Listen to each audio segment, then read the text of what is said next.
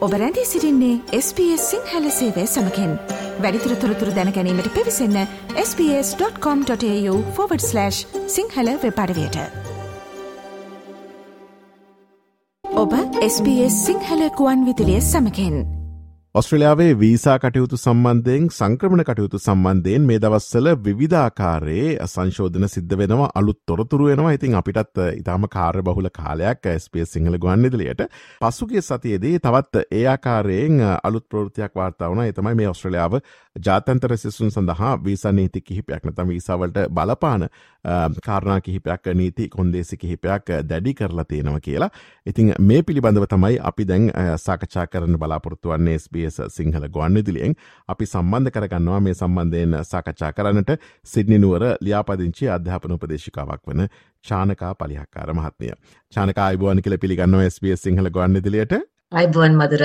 චානකා දැන් පලවිනි කාරණාව විදිහට අපිට කතා කරන්න වෙන්න මෙතනද ඔස්ට්‍රලන් මධ්‍යම රජය සඳහන් කල්ල තියෙනවා යම් ජාතන්තර ශිෂ්‍යය කොස්ට්‍රලයාාවට ඇවිල්ලා මේ පලවෙනි මාස හය තුළ මේ සිද්ධ කරන්නට හැකි මේ කොන්කරන්ට් එන්රෝල්මන්ස් අපි ඉංග්‍රිසියෙන් කියනවා මේ සඳහා වෙනස්කමක් සිද්ධ කල්ලා තියෙනවා කියලා අපි කැමති මුලින්ම මේ ගැන විස්තරදන ගන්නට.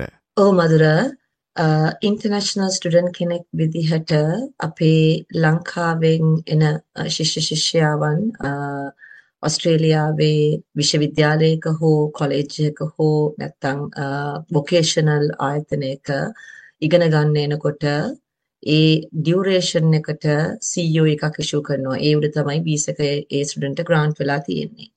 නමුත් යම් යම් හේතුන් උඩ සමහර ළමයි ඔස්ට්‍රේලියාවට ආවන් පස්සේ මාස 6කට පෙර ඒ කරපු කෝස් එක වෙනස් කරන්න ඕන නැත්නම් වෙනත් එඩියුකේෂන් ප්‍රොවයිඩර් කෙනෙක් යටතේ ඉගෙන ගන්න ඕන කියලා ඒ තමන් දැනට ඉගෙන ගන්න එඩියුකේෂන් ආයතනෙට දැනුම් දීලා CEO එක වෙනස් කරපු අවස්ථාවන් තියෙනවා. ඉතින් මේ දක්වා එහෙම මාස පළවෙනි මාස 6 සම්පූර්ණ වීමට ඉස්සෙල්ලා ළමයි එහෙම රිලීස් ලෙටර් කියලා කියනවා. රිලීස් ලෙටර් එකක් යුනිවර්සිටි එකෙන් අරගෙන තව කෝස් එකකට ජොයින් වෙන්න තිබ්බ අවස්ථාව අගෝස්තු 26 වෙනිදා අපේ Minister of Education announcement එකක් කරා ඒක ඒ දවසේ ඉඳලා with immediate effect ඒ දේ වෙනස් කරා කියලා. ඉතින් එතනින් අදහස් කරන්නේ ඒක අපේ ළමයින්ට බලපාන්නේ මధుර මින් ඉදිරියට ඔස්ට්‍රේලියාවට අධ්‍යාපනය සඳහා පැමිණෙන ස්ටුඩන්ට් කෙනෙක් ලංකාවේ ඉඳලා කිසිම විටක පළවෙනි මාස 6 ඇතුළත තමන්ගේ කෝස් එක මාරු කරන්න බෑ. ඒ වගේමයි ළමෙක් ඔස්ට්‍රේලියාවට ඒ මේ ප්‍රධාන අරමුණ ඒ තමන් තෝරගත්ත කෝස් එක කරන එක. හරි. ඉතින් එතකොට මාස 6කට පස්සේ වුණත් ළමයා ඒ කෝස් එක මාරු නොකර තමන් තෝරගත්ත ඒ කෝස් එක අවසානයක් දක්වා ග්‍රැජුවේෂන් එක දක්වා කරන්න පුළුවන් නම් තමයි ඒ ඒ එතන ජයග්‍රහණය තියෙන්නේ. මොකද මේ වගේ ඊ타මත්ම වටින කෝස් එකක් මේ වගේ රටක රජයේ විශ්වවිද්‍යාලයකට ඇවිල්ලා කරන්න ලැබීම ලොකු වාසනාවක්. ඉතින් අපේ ලංකාවෙන් එන ළමයි මාස 6කට පස්සේ කෝස් මාරු නොකර තමන් තෝරගත්ත කෝස් එක අවසානයේ දක්වා කිරීම තමයි මෙතනින් අපි බලාපොරොත්තු වෙන්නේ. හොඳයි ශානකා ඊළඟට සිද්ධ කරපු වෙනස්කම නැත්තම් ප්‍රකාශයට පත් කරපු වෙනස්කම තමයි මේ ශෝමනී කියලා කියන පිංග්‍රිසිෙන් නැත්තං ජාතන්තර ශිෂ්‍යයෙක් මේ ඔස්ට්‍රලයාාවේදී ඉගෙන ගැනීමේදී පෙන්විය යුතු මුදල් ප්‍රමාණය වැඩි කරලා තියෙනවා කියලා. මේක වැඩි කරලා තියන කොපමන ප්‍රමාණයකින්ද? කවදා ඉඳලද මේ වෙනස්කම බලපාන්නේ? අපි මේ ගැන විස්තර ඉදිරිපත් කරොත්. මදුර ඔක්තෝම්බර් මාසේ පලවෙන්ද ඉඳලා මේ අවුරුද්දේ ස්ටඩන්ට් වීසා ඇප්ලයි කරන සියලූම ළමයි පෙන්නන්න ඕන ලිවිං එක්ස්පෙන්සස් ප්‍රමාණය වැඩි වෙලා තියෙන.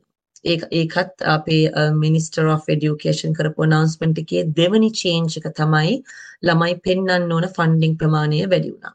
ඉතින් මේ පෙන්වන්න ඕන ෆන්ඩිං ප්‍රමාණය වැඩි වුණා කියලා මෙතනින් අදහස් කරන්නේ ඔස්ට්‍රේලියාවේ දැනට පවතින උද්ධමනය අනුව ගවන්මන්ට් එකෙන් අනවුන්ස් කරා living expenses ප්‍රමාණය. දැන් අපි වීස එකක් දානකොට කෝස් ෆී එක සහ living expenses කියන දෙකම පෙන්වන්න ඕන ෆන්ඩින් විදිහට. හරි. ඉතින් ඒ living expenses ප්‍රමාණය දැනට තියෙන amount එක ඇවිල්ලා ඩොලර් 21041ක්. ඒක වැඩි වෙනවා 24505ක් දක්වා ඔක්තෝබර් පළවෙනිදැන් පස්සේ වීසා දාන ළමයින්ට. ඉතින් මේක අපි රුපියල් වලින් බැලුවොත් දැනට තියෙන exchange rate එක අනුව ලක්ෂ 8කින් ඉතර පෙන්වන්න ඕන ෆන්ඩින් ප්‍රමාණයේ වැඩිවීමක් තියෙනවා අනාගතයේ ඉන්ටෙක්ස් වලට වීසා දාන ශිෂ්‍යයන්.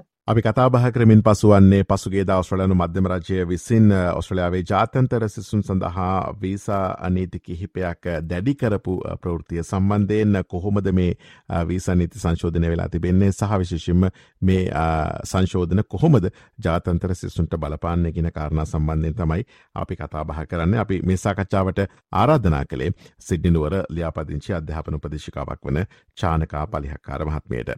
චානකා සිද්ධ කරපු තුන්ගෙන සංශෝධනය තමයි ව්‍යාජ සහ මේ වංචාකාරය අධ්‍යාපන ආයතනවලට එරෙහිව කටයුතු කිරීමට මධ්‍යම රජයේ පියවර ගැනීම මේ කාරණාව කොහොමද ක්‍රියාත්මක වෙන්නේ. ඒ කරපු ප්‍රකාශය තුළ මිනිස්ට්‍ර of ඩියුකේෂන් අදහස් කරනවා පහුගිය වීස දිහා බලනකොට සමහර එඩියුකේෂන් ප්‍රවයිඩර්ස්ලට සියට පණහකට වඩා වීසා රිෆියසල්ස් ඇවිල්ලා තියෙනවා කියලා. ඉතින් මේ කාරණය උඩ එක ඩිපාර්ට්මන්ට් of හෝම් affairs නීති තද කිරීමට තීරණය කරලා තියෙනවා. ඒ අනුව මේකෙන් අපි බලාපොරොත්තු වෙන දේ තමයි අපේ ලංකාවේ ඉඳලා ඔස්ට්‍රේලියාවට ඉගෙන ගන්න එන නංගිලා මල්ලිලා තමන් එන්රෝල් වන ප්‍රෝග්‍රෑම් එක සහ එන්රෝල් වන එඩියුකේෂන් ආයතනය පිළිබඳව මීට වඩා ටිකක් හොයලා බලන්න ඕන. මොකද හේතුව අපි අපි එන්රෝල් වෙලා පේමන්ට් ගෙවලා සමහර විට ඒ ආයතනට ඒ ලයිසන් එක නැත්තම් ඒ කෝස් එක ඔෆර් කරන්න ප්‍රශ්නයක් වෙනවා. ඉතින් ඒක හින්දා මොකද මේ කරපු ස්ටේට්මන්ට් එකත් එක්ක මිනිස්ටර් ඒගොල්ලෝ රිවිව් එකක් කරලා ඒ වගේ 50කට වඩා වැඩි වීසා රිෆියුස් වෙලා තියෙන ආයතන සම්බන්ධයෙන් දැඩි නීති රීති සහ ක්‍රියාමාර්ග ගන්න අනාගතයේදී බලාපොරොත්තු වෙනවා කියලා සඳහන් කරලා තියෙනවා. ඉතින් ඒක අපේ ශිෂ්‍යන්ට බලපාන විදිහ ඇවිල්ලා ඊළඟ ඉන්ටේක් එකකට හරි අනාගතයේ හෝ යුනිවර්සිටි එකකට හෝ කොලෙජ් එකකට හෝ ප්‍රයිවට් එඩියුකේෂන් ප්‍රොවයිඩර් එකකට ඇප්ලිකේෂන් එකක් බලාපොරොත්තු වෙමින් ඉන්න නංගිලා මල්ලිලා ඒ ආයතනයේ රෙපියුටේෂන් එක පිළිබඳව මීට වඩා වැඩි අවධානයක් යොමු කරන්න ඕන. මගේ රෙකමන්ඩේෂන් එක නම් මధుර රජයේ විශ්වවිද්‍යාලයකට පුළුවන් නම් ඇවිල්ලා ඉගෙන ගන්න. මොකද ඕස්ට්‍රේලියාවේ 90කට 95කට විතර වඩා ඇවිල්ලා තියෙන එඩියුකේෂන් ප්‍රොවයිඩර්ස්ලා ඇවිල්ලා රජයේ විශ්වවිද්‍යාල. හරි. ඉතින් ඊටාත්ම රෙකග්නිෂන් එකක් තියෙනවා. ඒ වගේමයි මේ හැම රජයේ විශ්වවිද්‍යාලයක්ම ස්කෝලර්ෂිප් දෙනවා. ඒ ස්කෝලර්ෂිප් 10 සිට 50 සහ 100 දක්වා දෙන කැම්පසසුත් තියෙනවා. ඉතින් මේ ගැන වැඩි දුරට හොයලා බලලා Tamanට ෆෝඩ් කරන්න පුළුවන් විශ්වවිද්‍යාලය මොකක්ද? ඒ විශ්වවිද්‍යාලයෙන් මට ගන්න පුළුවන් උපරිම ස්කෝලර්ෂිප් ප්‍රමාණය කොයිතරම් ප්‍රමාණයක්ද කියන දේවල් ඉතාමත්ම හොඳට සැලසුම් කරලා තමන්ගේ ඇප්ලිකේෂන් එක සබ්මිට් කරන එක තමයි වඩාත්ම සුදුසු. හොඳයි අපි කතාබහ කරමින් පසුයේ ඔස්ට්‍රලියාව පසුගිය සතියේදී ජාතන්තර සිසුන් සඳහා වීසානීති කිහිපයක් දැඩි කරන බවට නිවේදනය කිරීමත් සමඟ මේ සංශෝධන මොනවාද සහ මේවා ජාතන්තර සිසුන්ට බලපන්නේ මොන ආකාරයෙන් දෙගෙන කාරණ සම්බන්ධයෙන් අපි මේ සාකච්ඡාවට සම්බන්ධ කරගත්තේ සිඩ්නිනුවර ධ්‍යාපදිංශි අධ්‍යාපන ප්‍රදේශිකාවක් වන චානකා පලිහක්කාර මහත්මියව. චානකා බොහොමත්ම ස්තුතිවන්ත වෙනවා මේ අදහස් අපිත් සමඟ බෙදා හදා ගැනීම සම්බන්ධයෙන් සුබ දවසක් ප්‍රාර්ථනා කරනවා. සුබ දවසක් Badulla. SBS SBS SBS SBS SBS SBS Radio මේ වගේ තවත්තොරතුරු දැනගන්න කැමතිද. එහමනම් Apple podcast Google podcast Spotify ඔබගේ පොඩ්කාස්ට ලබාගන්න ඕනෑම මාතයකින් අපට සවන්දය හැකේ.